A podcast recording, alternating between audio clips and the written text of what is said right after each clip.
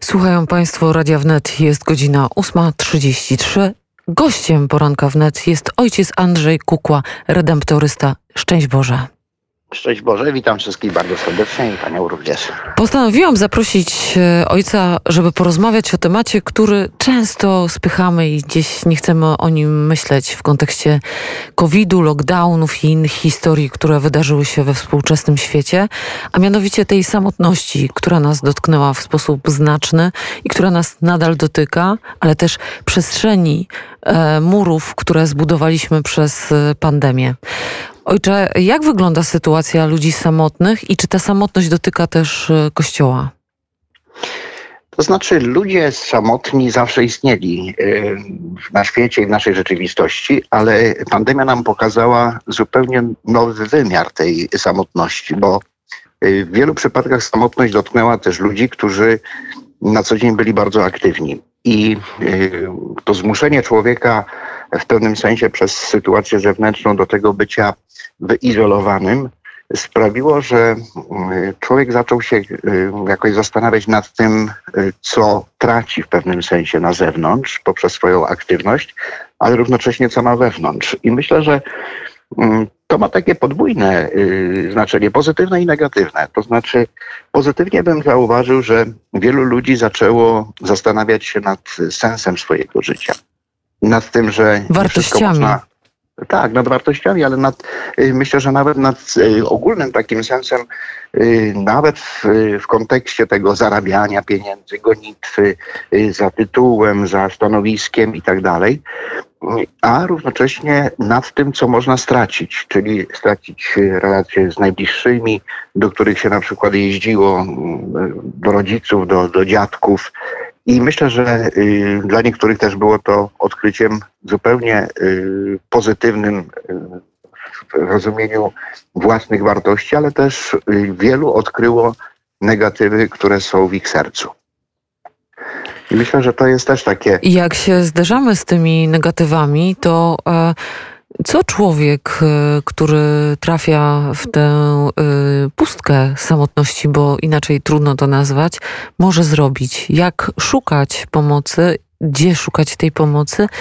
Jaką, e, jaką drogę pokazuje Kościół, ale też co księża robią?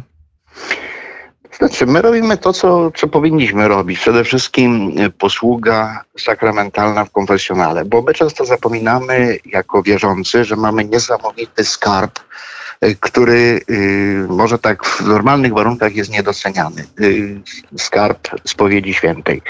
To jest też taka w pewnym sensie mm, e, posługa pocieszenia tych, którzy są samotni, umocnienia tych, którzy są silni i do konfesjonału idziemy nie tylko z tym, żeby tam w cudzysłowie, mówiąc brzydko, wyprać naszą duszę z grzechów, ale Y, też, żeby usłyszeć ewentualnie, w którym kierunku mamy iść. Myślę, że tutaj ten wymiar y, kapłański, powiedzmy, który my y, często sami nawet jako kapłani nie dostrzegamy, to jest to kierownictwo duchowe, o którym tyle się zawsze mówiło, a może teraz w pandemii jakoś bardziej do, nawet do nas, kapłanów, to dociera, że mamy być tymi przewodnikami też właśnie między innymi przez te zaułki samotności dla tych ludzi, którzy często nie mają się do kogo odezwać. Myślę, że wysłuchanie człowieka, bo dzisiaj wielu ludzi potrzebuje nie tyle, żeby do nich mówić, tylko żeby z nimi rozmawiać, bo dzisiaj jest taka tendencja mówienie do. My mówimy często do ludzi, ale my nie słuchamy siebie wzajemnie. I między innymi y, rolą kapłana, między innymi w konfesjonale, to jest wysłuchanie człowieka, jego biedy, jego y, porażki czas, czasem życiowej, czasem tej troski, y, którą ma o innych, a nie może jej zrealizować. Myślę, że to jest też ważne, żeby wsłuchać się w głos drugiego człowieka. I to jest posługa chyba ta zasadnicza nasza kapłańska. Ale y, wiem, że ojciec organizuje na przykład spotkania dla samotnych, spotkania dla singli. Jak one wyglądają i na czym polegają? I czy w covid jeszcze mogą się odbywać? To znaczy mogą się odbywać oczywiście w reżimie sanitarnym, y, w normalnych warunkach y, w, każdym, w każdą pierwszą niedzielę miesiąca y, u nas w kościele na woli tutaj świętego Klemensa o godzinie 18.30 są spotkania dla singli, dla tych, którzy chcą znaleźć swojego męża czy swoją żonę, przyszłych oczywiście i Dzisiaj jest bardzo dużo tych singli. Mówi się, że w Polsce jest około od 6 do 8 milionów y, młodych ludzi w wieku od 24 do 40, którzy mm, poszukują bezskutecznie y, tej drugiej połowy. I to jest też taka platforma, żeby się spotkać między innymi na mszy świętej, gdzie jest specjalne kazanie dedykowane i później w normalnych warunkach mamy y, spotkanie tak zwane speed dating, czyli szybką randkę, w czasie której oni mają możliwość porozmawiania ze sobą jest, są pytania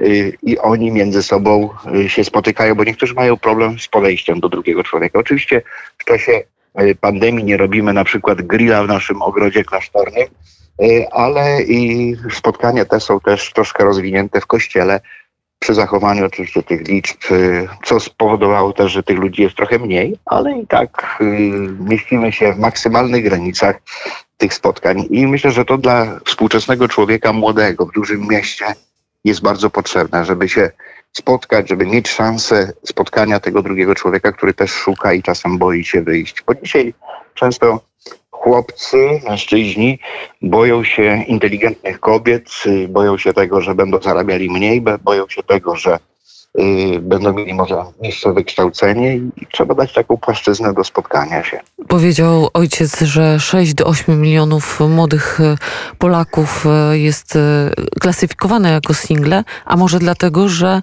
ludzie już nie szukają związków, nie chcą w nie wchodzić. Ja mam taką teorię trochę y, może przewrotną, y, że dzisiaj jest taka moda na leasing, y, leasing wypożyczania, leasing samochodów, leasing sprzętu elektronicznego, ale też niestety w cudzysłowie oczywiście taki leasing względem osób. Czyli takie partnerstwo na chwilę, jesteśmy przez kilka lat, póki nam będzie fajnie, a potem się rozchodzimy. I y, niestety to jest dzisiaj mm, ogromnym problemem, że młody człowiek, y, czy w średnim wieku, boi się podjąć decyzji na całe życie. Bo to jest tak y, niestety w życiu, że no, idąc do ślubu, czy idąc do świętyń kapłańskich, czy składając śluby zakonne, musimy podjąć jakąś decyzję na całe życie. I yy, mam wrażenie, że często ludzie boją się podejmować takich decyzji na całe życie, i tu jest yy, problem też tego bycia singlem, bo niektórzy chcą być singlami. To nie jest to, że nie znaleźli, tylko im jest wygodniej nie podejmować żadnych zobowiązań życiowych. Rozpoczyna się tydzień, rozpoczął się wczoraj, ale rozpoczyna się w takim trybie pracy. Nie chciałabym, żeby nasza rozmowa pozostawiła słuchaczy w takim bezmiernym smutku, że jest źle, źle, źle. I jeszcze do tego te młode pokolenie kompletnie nie chce się wiązać, więc jesteśmy w ogóle na straconej pozycji. Ojcze, co, e, co jest takiego pozytywnego w tym świecie covidowym, ale w tym świecie, który właśnie za oknem warszawskiego, warszawskiej kamienicy pokazuje nam duże słońce. Co, czym powinniśmy się kierować, co powinno nas ponieść jednak w te optymistyczne rejony? To znaczy, ja jestem, y, mimo tego, że to tak zabrzmiało y, negatywnie, ale po to, żeby może sprowokować niektórych do y, refleksji, ale ja jestem optymistą, bo widzę wielką tęsknotę ludzi do tego, żeby spotkać drugiego człowieka, bo nawet wczoraj tak, y, będąc gdzieś tam w okolicach y, Wisły i bulwarów, to widziałem, jak wielu młodych ludzi po prostu już się rwie do tego, żeby się spotkać razem. I myślę, że to nie, nie dotyczy tylko młodych. Potrzebujemy tego drugiego człowieka, potrzebujemy wzajemnego, wzajemnej życzliwości, spotkania.